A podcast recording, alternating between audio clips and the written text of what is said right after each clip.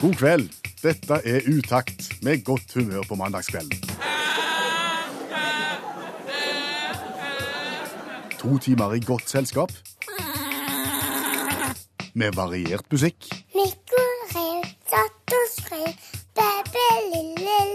Per Øystein Kvindesland. Og Bjørn Olav Skjæveland. Jeg erklærer herved Radioprogrammet Utakt. for åpnet. Utakt sin formålsparagraf. Utakt er et radioprogram som har eh, en todelt formålsparagraf. Del én er utakt skal være godt humør på mandagskvelden. Eh, Del to utakt skal være godt selskap på mandagskvelden. Hvordan skal vi klare å komme i gang med det gode humøret sånn umiddelbart? Jeg kan jo eksempel begynne med å stå fram. Som Jeg kan stå fram som dypper.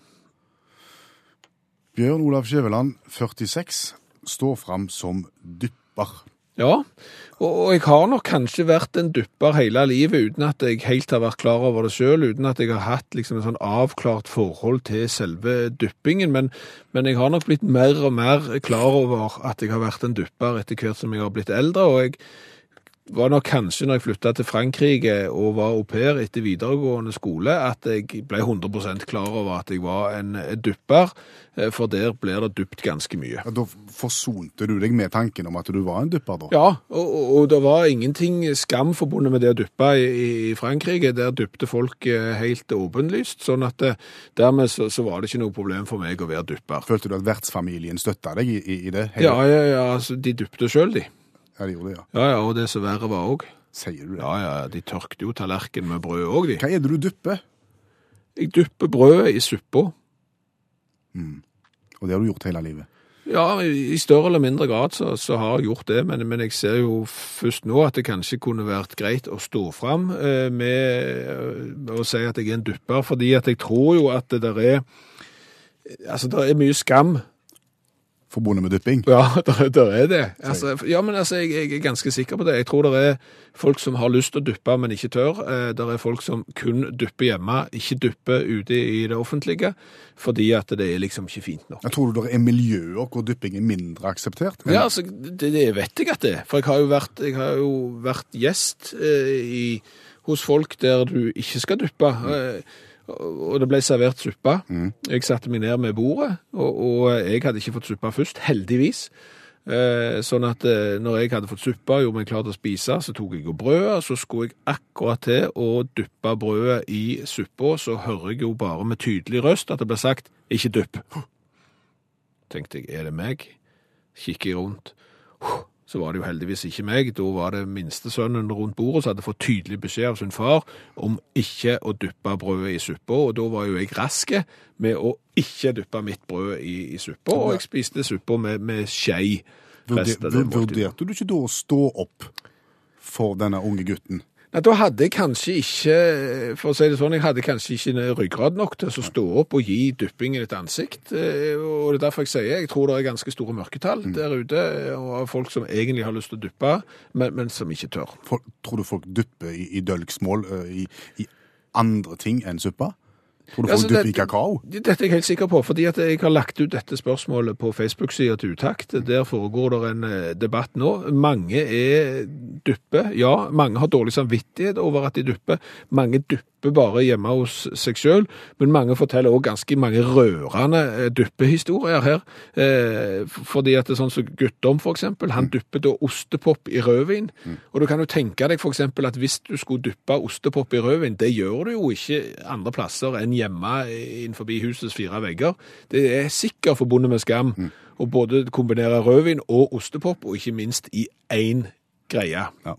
Og, og folk dupper skjever med, med smør i kakao, og, og folk dupper spekeskinke i, i kaffe. Der, der er mye dypping der ute, så som, eh, det er nok mer dypping enn folk aner. Burde det vært oppretta en dyppetelefon som folk kunne ta kontakt med nå etter at dette programmet er over? Ja, det, det tror jeg absolutt. At altså, eh, og både for de som dypper, og for de pårørende.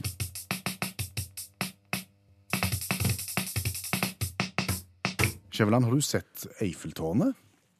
Om jeg har sett Eiffeltårnet? Det må jo kanskje være et av de dummeste spørsmålene framført eh, på norsk radio noensinne. Selvfølgelig har jeg sett eh, Eiffeltårnet. Jeg tror ikke det er knapt et menneske i hele verden som ikke har sett Eiffeltårnet. Gjerne ikke i Paris in natura, men sett et bilde av Eiffeltårnet. Det er klart de har. Det er nettopp derfor jeg spør, skjønner du. Å ja, for det var det svaret du ville ha. Egentlig, ja. OK, det var jo interessant. Vet du når uh, Eiffeltårnet ble oppført? Og til hvilken anledning? Det ble oppført i forbindelse med verdensutstillinga i Paris i et år som jeg ikke husker helt. 100-årsmarkeringsdagen etter revolusjonen. Da er vi i 1789 pluss 100, 1889. Stemmer det. Og mine tanker i kveld går først og fremst til de andre utstillerne på den verdensutstillingen. De andre. Ja, De fleste er nok døde, vil jeg tro. Men, men, de, de er nok det. men de pårørende. Pårørende til de som var med på verdensutstillingen i 1889, går dine tanker til i kveld. Ja. For jeg tenker altså, En verdensutstilling er jo en utstilling med, med, med mange, mange mange utstillinger fra hele verden. Det kommer delegasjoner fra overalt og viser fram seg og sitt. OK? Og la oss nå si at en, en liten trupp da, fra f.eks. Norge, jeg vet ikke om Norge var representert, Jeg vet ikke heller, men de hadde gjerne en brunostdelegasjon eller Ja, det- eh, en eller annen laks, eller Nei, det var ikke mye laks, da. planer om en eller annen eh, paviljong kanskje. Ja, ja. Så reiser de av gårde med godt mot til Frankrike og henvender seg i sekretariatet. Og, og, og får da beskjed at stand 15 skal dere på. Der kan dere rigge opp standen deres. Og der går de bort, fortsatt med friskt mot, og der på stand 16, rett på sida av de. Ja. 324 meter høyt. Eiffeltårn. Eiffeltårnet. Ja. Du får ikke mye oppmerksomhet da. Nei, du gjør ikke det. Jeg ser den. Det er det jeg tenker. Altså, og der, der er altså da, ifølge oppslagsverken her, 61 000 utstillere til stede på denne verdensutstillingen i Paris i 1889. Og hva husker vi? 61 000. Da er det 60 999 utstillere som ingen husker. Nettopp. Hva, hva Jeg tenkte når de kommer hjem for eksempel, og har vært der, Ja. og så sier ja, dere har vært på verdensutstillingen, ja, der med Eiffeltårnet. Ja, ja. vi har hørt det. Det eneste folk er opptatt av, er dette tårnet. OK, så det har tatt luven av de andre. Men ble, ble det stilt ut noe kjekt, da? Jeg vet ikke. Det er lite informasjon å hente om hva som ble utstilt. Det eneste jeg har funnet ut, som var en av attraksjonene på sida av Eiffeltårnet, var Ja. en afrikansk landsby med 400 innfødte henta til Frankrike fra koloniene. Ja. Fikk nok sikkert ikke den oppmerksomheten de verken hadde lyst på eller fortjente. Ikke det heller. Ikke sikkert de fortjente så mye oppmerksomhet, egentlig, det der kolonimakt og Frankrike. De har jo en del svin på skogen. Men, men bygge tårn som var høye i, i stål, det kunne de. Har du vært oppi der? Ja, det har jeg vært oppi. Egentlig så er det jo litt rar konstruksjon. Altså, det, hva, vi har bygget tårn. Hvorfor det? Fordi det skal være høyt. Hva skal det gjøre annet enn å være høyt? Det skal stort sett bare være høyt. Vi kan sette en antenne på toppen, og så kan vi servere noe mat i, i midten der. Men stort sett høyt. Ja. Men det har jo gjort sin misjon, da. Ja, nå vet folk hvor Paris er. Det visste de ikke før. Nei. Og ingenting annet fra den verdensutstillingen jeg husker. Nei.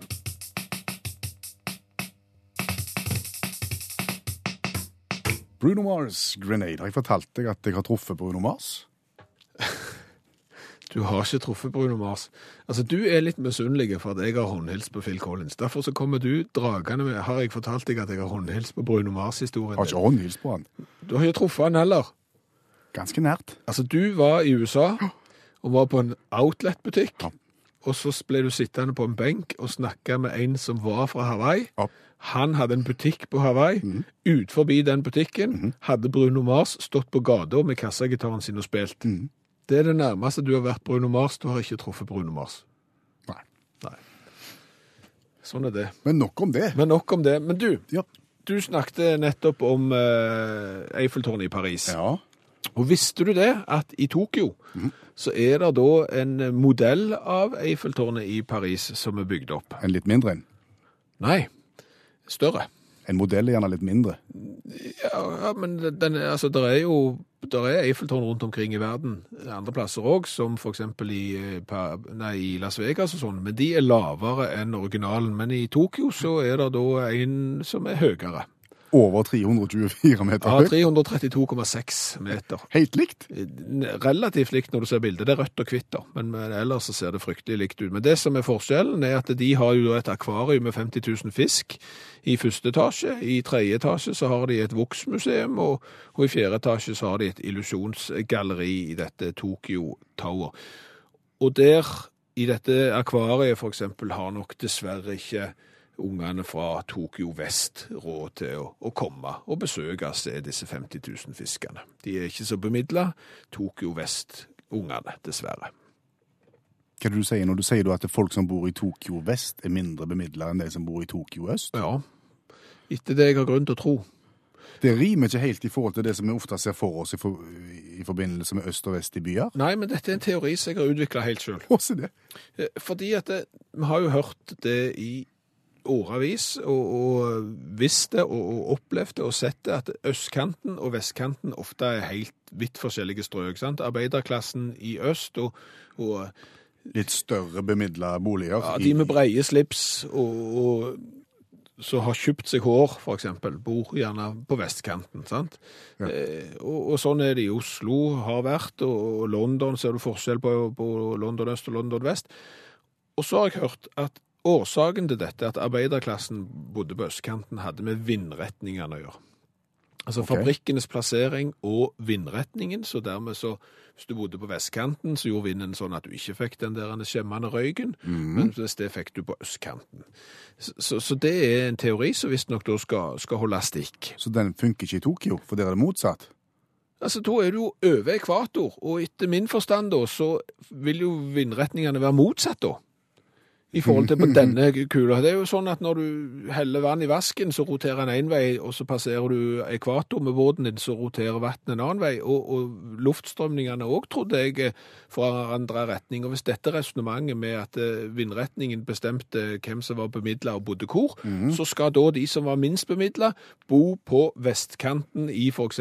Tokyo og, og store byer i Australia og, og i Asien generelt. Mens du er her, så skal du har de bemidla på vest. Yes. Menser. Sånn er det. Det er en teori som jeg har utforma helt sjøl. Hva da med Kristiansand? Der er det likt. Der er det ikke likt. Ligger Kristiansand på den nordlige halvkule? Nord for ekvator? Eh, Så, det du har så, vidt, så vidt nord for ekvator. Det er Syden, men det er rett nord for ekvator.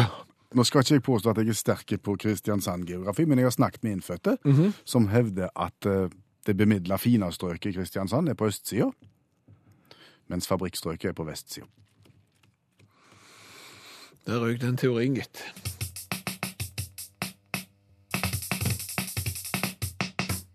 Men det vi egentlig skulle ha spilt, Skjæveland, det var en eh, dementikjenning. Ja, eh, det burde vi nok ha, ha gjort. Fordi jeg hadde jo da en Jeg vil si at den var ganske god.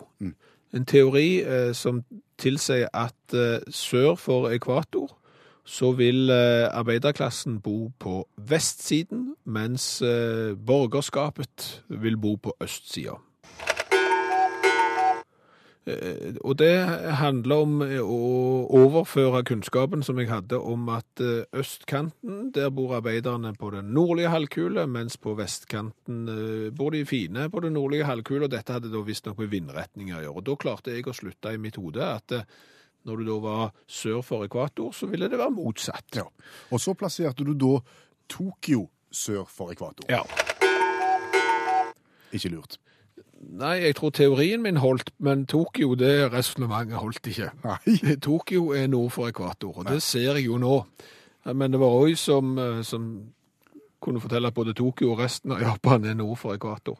Burde jo egentlig ha visst det, for jeg har vært i Sapporo, der var det mye snø. Og det var kaldt, og det var på samme årstider som, som vi har. Det var ikke sånn Australia-vinter, liksom.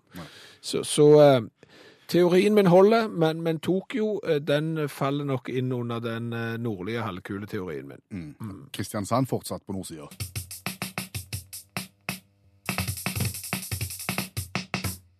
Og mens de sang, så kom vår faste mandagsgjest tuslende inn i studio igjen. Han heter Olav Hove. Han er allmennlærer med to vekttall i musikk og hjelper oss med det som vi ikke har greie på. Ja, og det er faktisk eh, ganske mye, viser det seg, enten det gjelder ekvator eller ei. Eh, For, for i dag så fikk jo eh, byrådslederen i Oslo, Raimond Johansen, klar beskjed om at han ikke får lov til å skifte tittel og være byregjeringsleder i Oslo. Og vi har forstått det sånn, Hove, at dette er noe du er opptatt av. At, at det at folk har flirt litt av det og hans ønske om å skifte tittel, det, det, det skal vi ikke gjøre, for, fordi han er ikke alene om dette her. Nei, nei, nei, det finnes mange eksempler på folk som har lagt eh, masse i det, og mye, mye mer enn Raymond Johansen. Eksempler? Nei, uten sammenligning for øvrig, da, så er jo Kim Jong-il han er jo, kan du si, titlenes ypperste prest når det gjelder kvantum. da. Eh, Sentralstyret i Arbeiderpartiet i Nord-Korea de setter seg ned for å beskrive han rent tittelmessig, og kom fram til 55 ulike titler. Jeg skal ikke gå gjennom dem, da, men jeg kan avsløre at det er mye sol. Sosialismens sol, og sol, solen av det 21. århundre, og nasjonens sol, livets sol, osv. osv. Eh, Men han var diktator, ikke sant, så det, det, det teller jo kanskje ikke, da. Eh, Men, men eh, ja, jeg nevner én diktator til. Idi Amin. Det var jo en røver som jeg husker godt. Han òg er en slags yppersteprest innenfor titler, men han hadde ikke så mange. Han hadde én, men han var ordentlig lange. Idi Amin var altså, og hold dere fast, Hans eksellense president på livstid, general al-Haji doktor Idi Amin Dada WC, DSO, MC, lorden av alle dyra på jorda og fisken i havet, erobreren av det britiske samveldet i Afrika generelt og Uganda spesielt, og kongen av Skottland.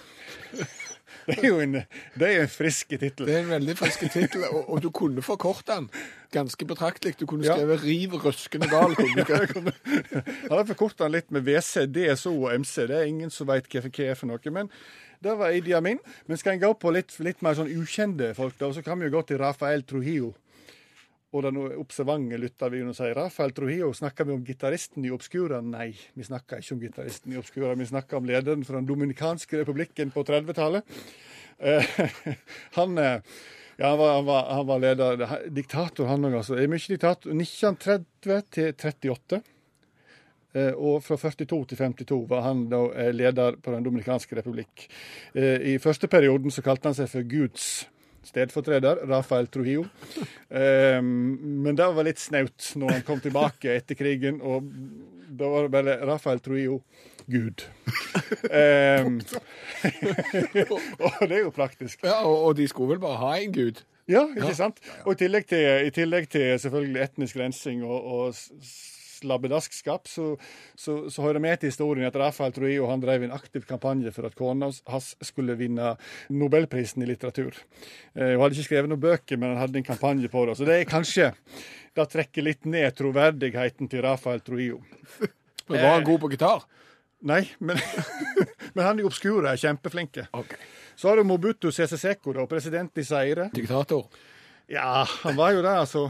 Han har jo vært- mange valg, da, men han har jo fått sånn rundt 100% av stemmene. Eh, han hadde mange navn eh, på seg sjøl, men han likte å bruke eh, ett navn, kan du si. Eh, kan si at Mobutu Sese er kjent, mest kjent for at han forbød, forbød leopardskinnklær i, i eh, Zaire. Bortsett fra egen hatt. Eh, han ville være eksklusiv der.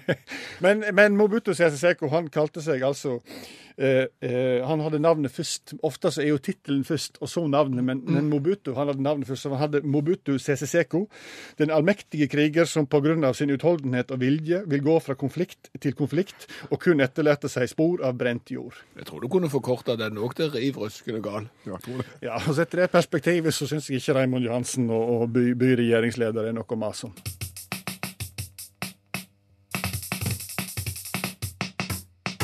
Og jeg ble så revet med eh, nettopp av det som allmennlærer Olav Hove fortalte oss om eh, disse diktatorene med de mange og lange og, og rare titlene, at jeg kom til å tenke litt på presidentene i USA.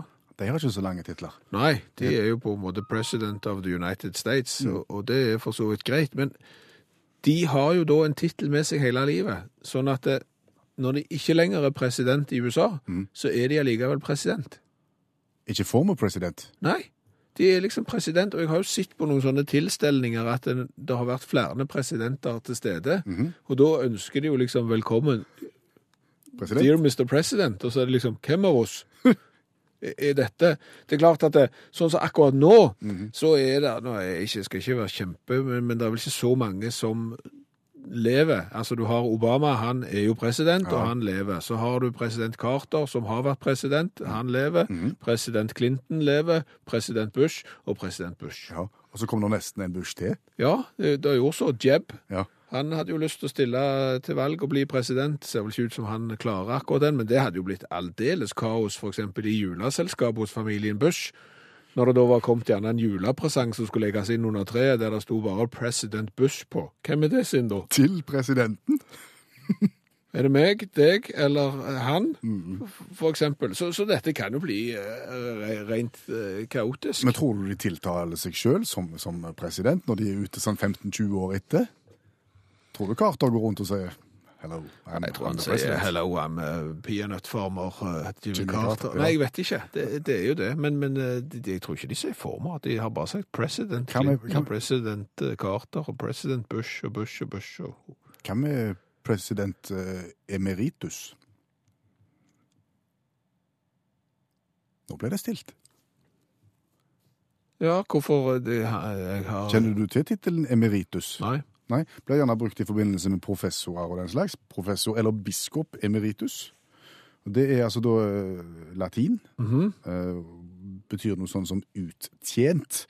Eh, brukes da i sammenstillinger for å betegne en person som er pensjonert eller avgått fra visse stillinger, men som har hatt en sånn en stilling, og som Ja, Så får du liksom ha den med deg, men ikke helt. mm, ja altså forhenværende. Altså, Ok. mm, så da kunne du hatt ja, president emer, emeritus Carter, nå peanøtt.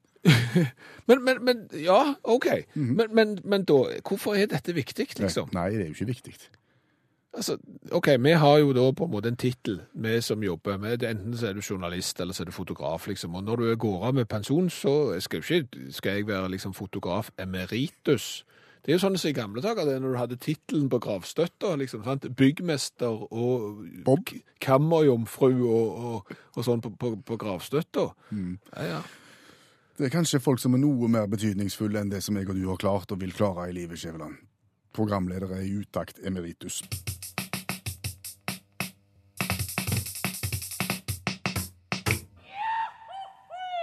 Og vi fortsetter framover mot midnatt, og vi starter nå med konkurransen. Skjæveland, du har hatt ansvaret for å dirigere køen i dag. Ja, og det har ikke vært eh, lett, fordi at vi spør jo gjerne etter motiverte deltakere. Hvorfor har du lyst til å være med? Og det er jo folk her som har gifta seg på, på 1. april, og som syns at det kunne være et godt argument for å være eh, med i konkurransen. Det er Åse.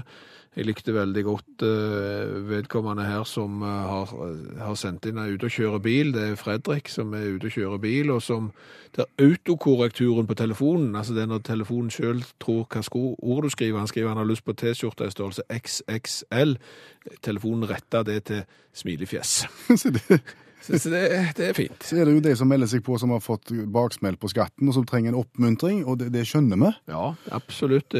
Men vi falt litt for Roy Ervin, fordi Roy Ervin han har da allerede sendt en SMS til utakt i kveld, og retta meg. Jeg, jeg plasserte Japan eh, sør for ekvator, det var feil, eh, og, og jeg måtte ut og dementere. Og denne demantien hørte ikke kona til Roy Ervin på radioen. Og kona sitt favorittprogram på radioen, det er utakt. Så da skal kona få lov å høre Roy Ervin på radioen. Ja, ikke bare bli sitert, men om å snakke i egen person. God kveld, Roy Ervin.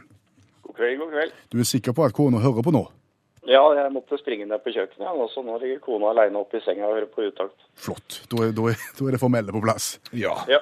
Og da kan jeg fortelle hvordan denne konkurransen virker. Jeg har 10-11 spørrebøker har jeg nå foran meg. Roy Ervin skal velge en av de, og så får han et vilkårlig spørsmål. Svarer han rett, så får han gladjodling. Svarer han feil, så får han tristjodling. Men uansett så skal han få gå og vise seg fram for kona i ei svart utakt-T-skjorte med V-hals. Er det forstått? Ja da, det blir nok suksess. Det tror jeg. Vi bare begynner, tror jeg, Roy Ervin, og så plukker vi ei spørrebok fra én til var det ti du sa? Ja, 11 i dag. Elleve, faktisk. Ja, da tar vi elleve. Tar 11. Ja. Da fikk du den nye. Det er den som kom som et vedlegg i Norsk Ukelov i påsken 2016. 1000 spørsmål er der. eh, 64 sider. Hvilken vil du ha? Da tar vi 42. Og da er vi på kultur og historie. Det er kolossalt med spørsmål her. Det er 166 spørsmål. Da har vi 46, da. Og jeg blar. Hvilket land, hvilke land kjempet mot hverandre i 1812-krigen?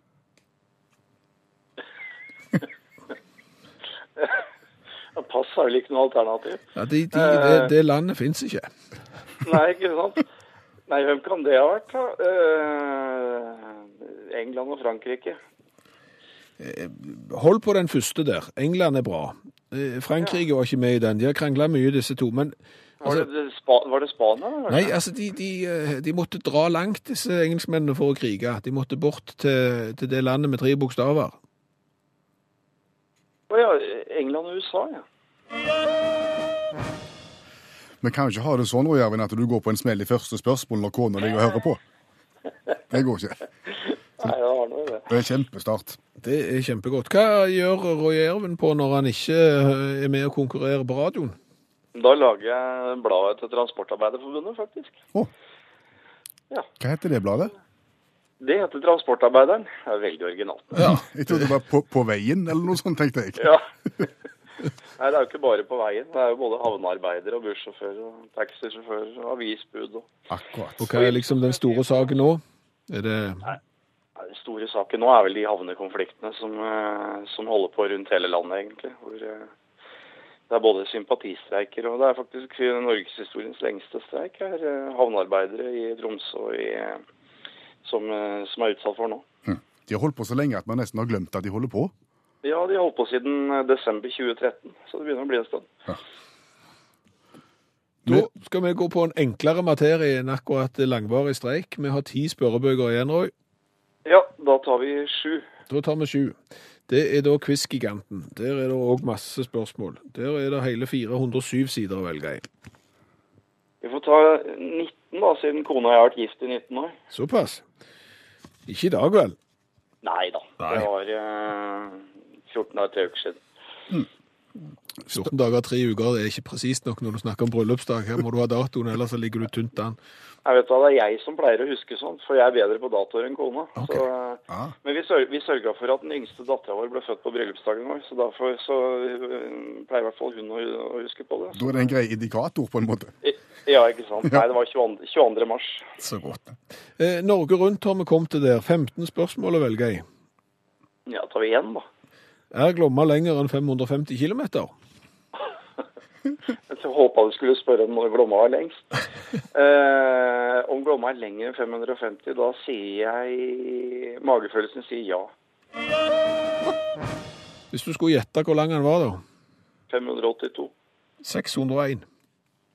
Ikke langt vekk i det. Ja, men det Nei, er det, to, 19, det er 19, det er 19 fra. Ja. det er to av to. Dette her er jo formidabelt. Da har vi bare ei bok igjen. Nå er det åtte eh, Nå er det ni igjen.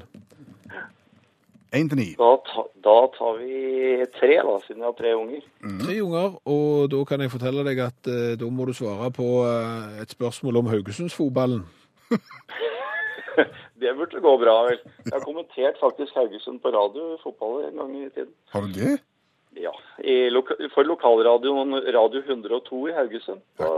Jeg kjenner han som pleier å kommentere de kampene for dem. Akkurat. Og så hadde jeg kommentert eh, når jeg studerte i Sogndal i Sogn og Fjordane, og da ringte han eh, Vidar Levinsen etter han til meg og spurte kan du kommentere en kamp i Moss, og da gjorde jeg det. Så tøft. Hva er over dette?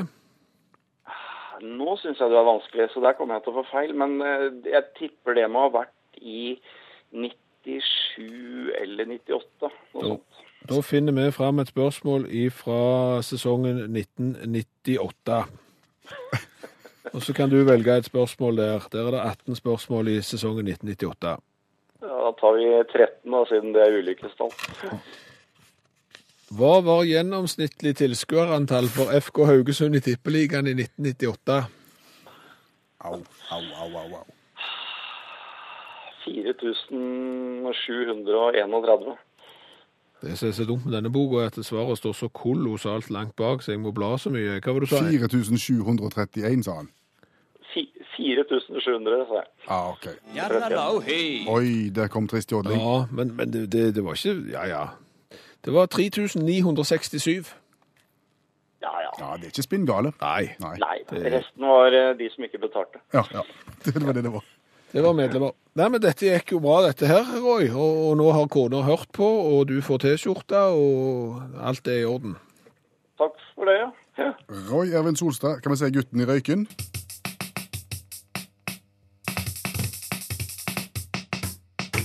Nå er vi spente, Skjæveland. Er det mulig for noen å utfordre de som ligger i toppen av colaskalaen vår? Det vil jo eh, vise seg, men vi tror vi har en ganske god utfordrer eh, akkurat i dag. Utakt sin store colakonkurranse, store coladugnad, fungerer på følgende måte. Du som hører programmet, eh, skaffer oss cola fra hele verden. Det fins cola i alvorlig mange varianter fra hele verden. Vi smaker på de, gir de karakter, og så finner vi ut hvor i verden de beste variantene fins. Ja, og så kan jo kanskje du som hører på radioen stille det kritiske spørsmålet, er det viktig da? Eh, Kanskje ikke, eh, men det er jo sånn at nordmenn reiser mye utenlands, så det kan jo være eksempel greit å vite hva for en cola du skal drikke i hvilket land. Ja. Vi har vært igjennom 60-70 varianter allerede nå, og kjøleskapet er fortsatt fullt av varianter vi ikke har vært igjennom, så vi må bare komme i gang. Hvor skal vi i dag? I dag skal vi til United States of the USA, vi skal til New York. Og colaen heter Den heter Boylan Cane Cola. Og, og jeg har stor tro i dag, eh, fordi at eh, når jeg søker opp eh, og skal finne informasjon om denne colaen her, så står det at dette her er en gourmet softdrink. Altså det er en gourmet cola. Dette firmaet som er etablert i 1891, bruker da bare naturlige ingredienser og rørsukker, og ikke sånn annet sukker som fruktose og sånne ting som, som andre bruker. Så dette skal da være ekte, skikkelige varer. Snakker vi kortreist cola. Vi snakker jo ikke kortreiskola her. Ikke for vår del, nei, men sånn i utgangspunktet. Ja, kanskje. Eh, For, for, for, oss er han bortreist, eh, men gjerne dette. Så dette, og flaska Ja. er tøff som et uvær. Den er, har en kan du si, litt sånn retro uh, utseende, og så er det liksom Boilen Bottling Company, det står liksom i glasset. Ja, sånn det fysiske glasset. glasset. Mm. Sånn, og så har han sånn en kork som jeg elsker. Sånn, egentlig så ser det ut som du skal åpne den med brusopptrekker, Og så skal du ikke det. men så bare skrur du på den. Og der åpner jeg den. Ja, Fins det, ja. Det er så tøft. Tusen takk til Anja, som har eh, brakt oss colaen. Anja i eller på Notodden, ikke sikker, men iallfall På. på Notodden. Ja, jeg vil tro det. Ok. Er du klar til å smake? Veldig spent nå på Boylens Cane Cola fra The United States of the USA. Vi gir karakter 1 til 10 for smak.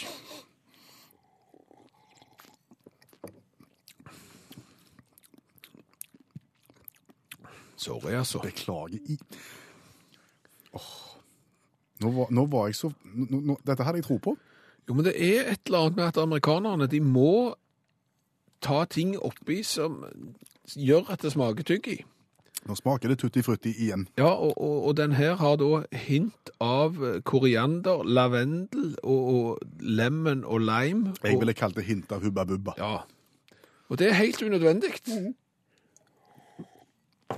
Du kan ikke få toppkarakter på colasmak når du blander i Hubba Bubba. Du kan ikke det. Det går ikke. Fire i smak fra meg. Fire for, for deg, ja. Ja. Ja, jeg kan ikke gå høyere. Ja, jeg har smakt så mye vondt. Fem. Ok, Ni totalt i smak. Ni totalt i smak, og kulere blir det ikke. Jeg, det er noe av det kuleste jeg har sett. Så jeg eh, gir ni. Ni i design. Ja, jeg tror jeg nøyer meg med åtte. Da får du notere det, og så får du si hvor mange poeng det ble totalt. Da ble det 17 i design pluss 9 i smak. Da skulle vi ende på 26 totalt til Boylens Kane Cola. Ja, du kommer jo ganske høyt opp, for det er jo en cola du kan gå og tøffe deg med, så du er oppe blant de ti øverste. Ja, for den, den er helt OK på smak, minus, men så tar han det enormt igjen på hvor tøff han er. Ja, ja, det er klart hvis du får ei skikkelig dongeribukse der, en skinnjakke og en sånn en alle tiders moped, og så kjører med, med Boylen Kane Cola, så er du kan gjerne ta vaselin i håret òg.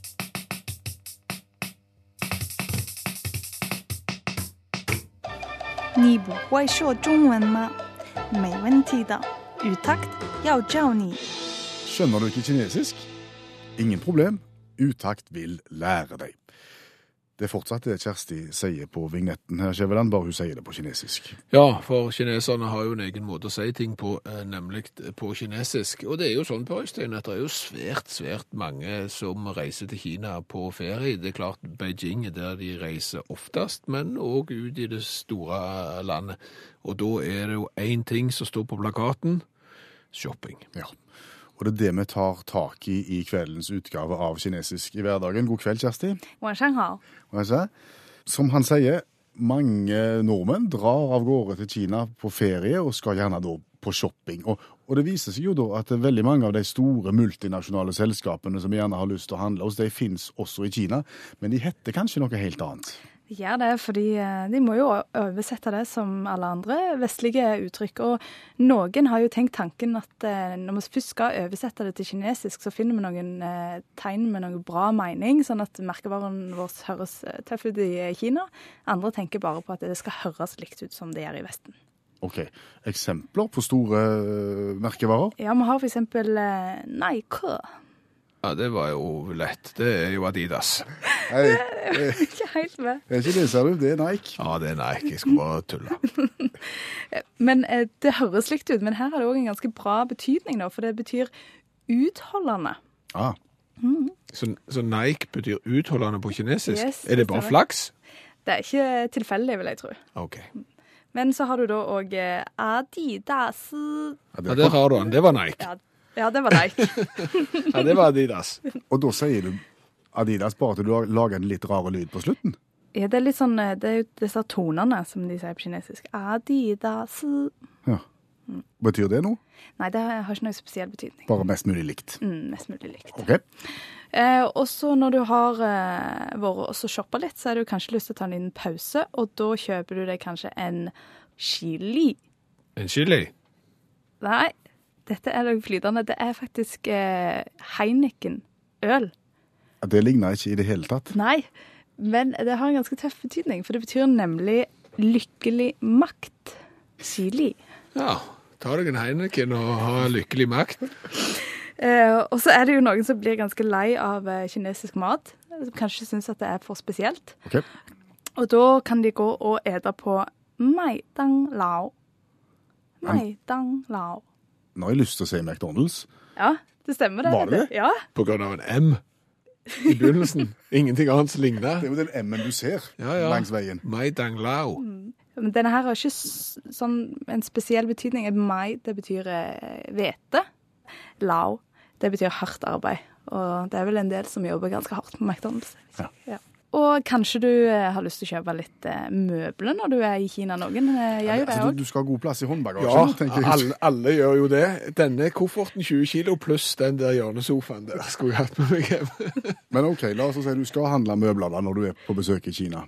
Da kan du reise til Ijiajiaju. I Ijiajiaju. Så nå skal jeg følge resonnementet til Brøystein at jeg gjetter på første bokstaven, så er det Ikea. Det stemmer det, vet du. I Ijajaju. Ja. Hva er umbrako-nøkkel på kinesisk? Får ikke spørre så vanskelig. Nei, jeg skal ikke det. Men dette har, eh, denne her i, det kan bety både passende, og det kan bety billig. Og ja er heim. Ja, Så det her er, har de jo Ja, billig, billig hjemme. Billig det. Mm. Men og, hvis du skulle eh, gå for bil når du er i Kina når du først var der, ja. Ja. altså, nå skal du jo på shopping, tross alt. Du har reist langt. Ta alltid med deg en bil fra Kina. Ja. Da eh, kan du jo gå for eh, Bauma. ja. Da går du for BMW, vil jeg tro. Og, og det er da direkte oversatt. Eh, Kan du gjette på det, forresten? Hurtig. Eh, Nei. Eh, Bao, det betyr eh, verdifull. Ja. Ma, det betyr hest. Verdifull hest. Verdifull hest. Så du kjører rundt på en verdifull hest. De som har Bauma i Kina, bruker de heller ikke blinklys. Jeg tror ikke noen bruker blinklys.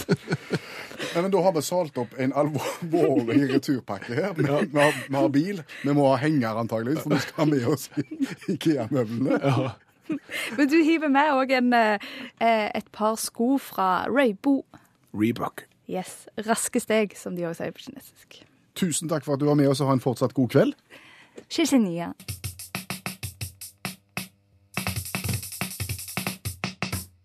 Og så spurte du eh, Kjersti nettopp som var i studio her, eh, om eh, hva umbrakonøkkel heter på kinesisk. Mm, det visste ikke Kjersti. Hun snakket om Ikea i, Kina, og jeg lurte på hva umbraco-nøkkel heter på kinesisk. Ja, og det heter ingenting på kinesisk. Umbraco-nøkkel nøkkel heter ingenting på kinesisk. Nei. Det fins ikke umbraco-nøkkel i Kina. Nei. Det finnes ikke umbrakonøkler i hele verden. Da har ikke du sittet i, i mannaskuffa mi hjemme, for der er det en mengde umbraco-nøkler, gjerne av samme størrelse. Nei, det er ingen. Så nå snakker du tøys. Ja, men altså, det blir en, det er egentlig bare en fonetisk lek dette her, fordi at du spurte hva heter en umbrakonøkkel på kinesisk, og der finnes ikke umbrakonøkler, fordi at en umbrakonøkkel heter unbrakonøkkel med N, oh. og ikke M. Ikke...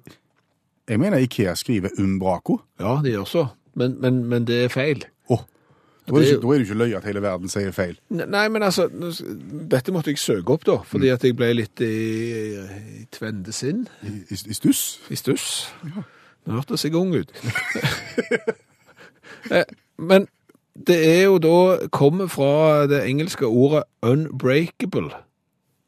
OK. Eh, Derfor så fikk denne skruen eh, og dette verktøyet Unbreak-O. Unbreak-O uttales det. Unbreako. Ja. Okay, på, som på skal- engelsk, og derfor setter det Unbraco med N. Og, og for de som ikke ser for seg en Unbraco-nøkkel eller en Unbraco-skrue, så er det jo en sånn sekskant. Eh, og som du sier, der finnes jo ikke et flatpakka møbel i hele verden sikkert som ikke består av noen Unbraco- Unbraco-skruer.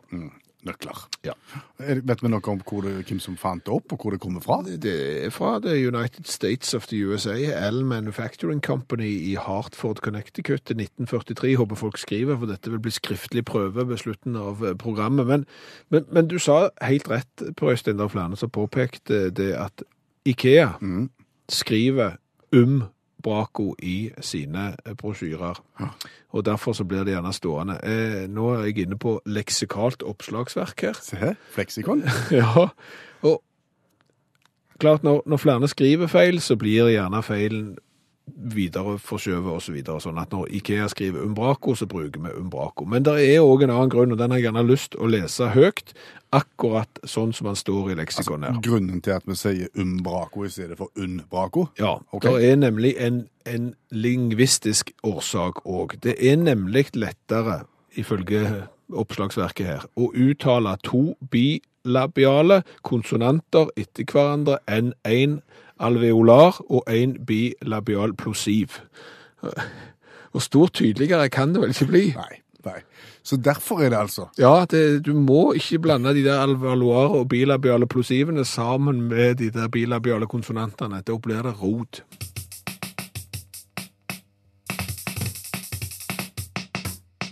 Vet du hva en unn brakonøkkel heter på norsk?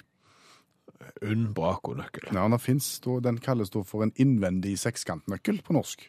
Ifølge Atle som hører på programmet. Ja, Så nå vet vi det jo. Vi lærer ting hele veien. absolutt. Og vi skal lære mer nå, for vi har allmennlærer Olav Hove med to vekttall i musikk med oss. Og i dag har jo en av snakkisene vært det at Raimond Johansen, byrådslederen i Oslo, han har fått beskjed du får ikke lov til å kalle deg selv for byregjeringsleder. Mm. Og, og Raimond sjøl har sagt at OK, da blir det sånn, da skal jeg ikke forsøke mer på det. Uh, mens allmennlærer Olav Hove mener at kanskje Raimond skulle forsøkt allikevel, gjerne litt hardere. Ja, jeg syns han skulle prøvd igjen, og jeg syns han skulle ha smurt til skikkelig. Gitt seg sjøl en ordentlig heftig tittel. Altså, Og- altså gått lenger enn byregjeringsleder. Det mener jeg, ja. Og eh, det finnes tre kjente skoler for folk som har gigantomani.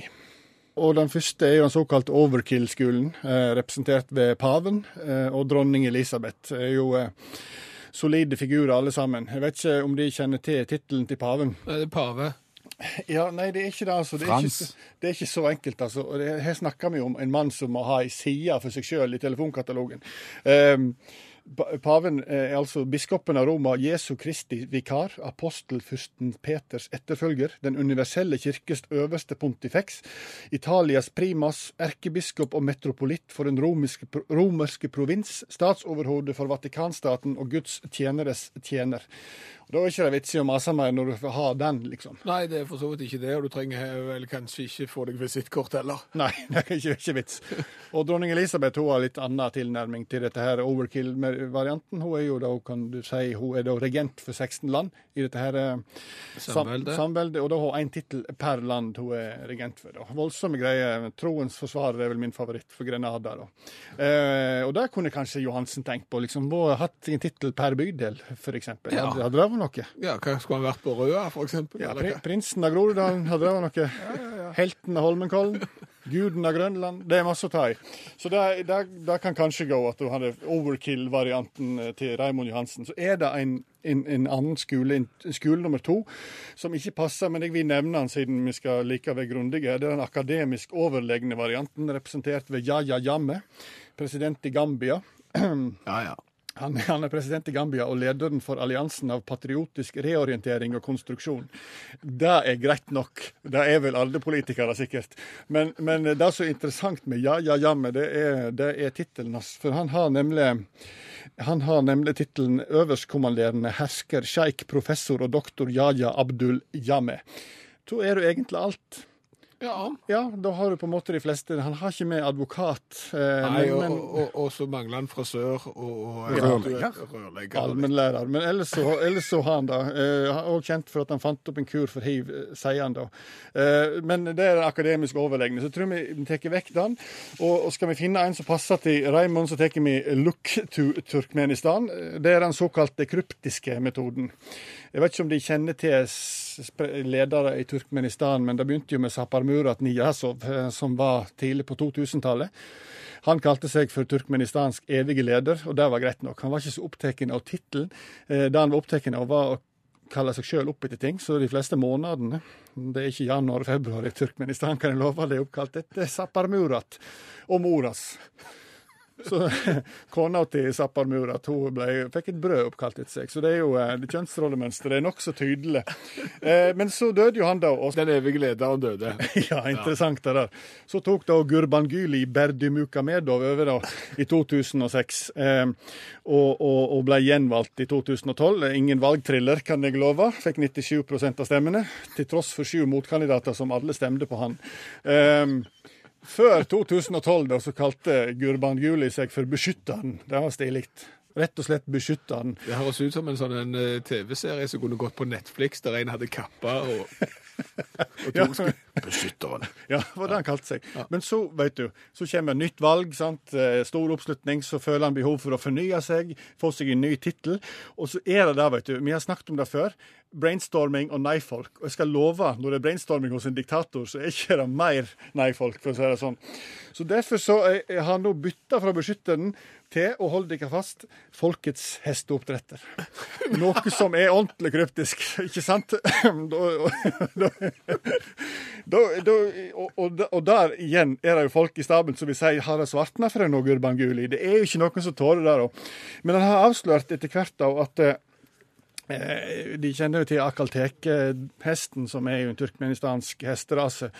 Det er det fineste som fins. Hengsten springer visst voldsomt fort, og, og, og etter han tok over, han Gurbanguly, da, så har landet bevega seg økonomisk framover som en sånn eh, akalteke-hengst. da. Derfor er folkets hesteoppdretter, og det tror jeg Raymond skal lande på. Altså, Vær litt kryptisk i tittelen din, smør på. Akerselvas eh, kilde, et eller annet sånt i den stur. Bjørvikas hvite svane, hva som helst. Sa Olav Hove, allmennlærer med to vekter i musikk. Det er utrolig hva den mannen kan. Ja, det er det, men jeg eh, er ikke sikker på om han har fått med seg at eh, Og dette er Sigurd som skriver det, at når det gjelder diktatorer med rare navn, har dere hørt om Good Luck Jonathan? Han er da visstnok sjefen i Nigeria.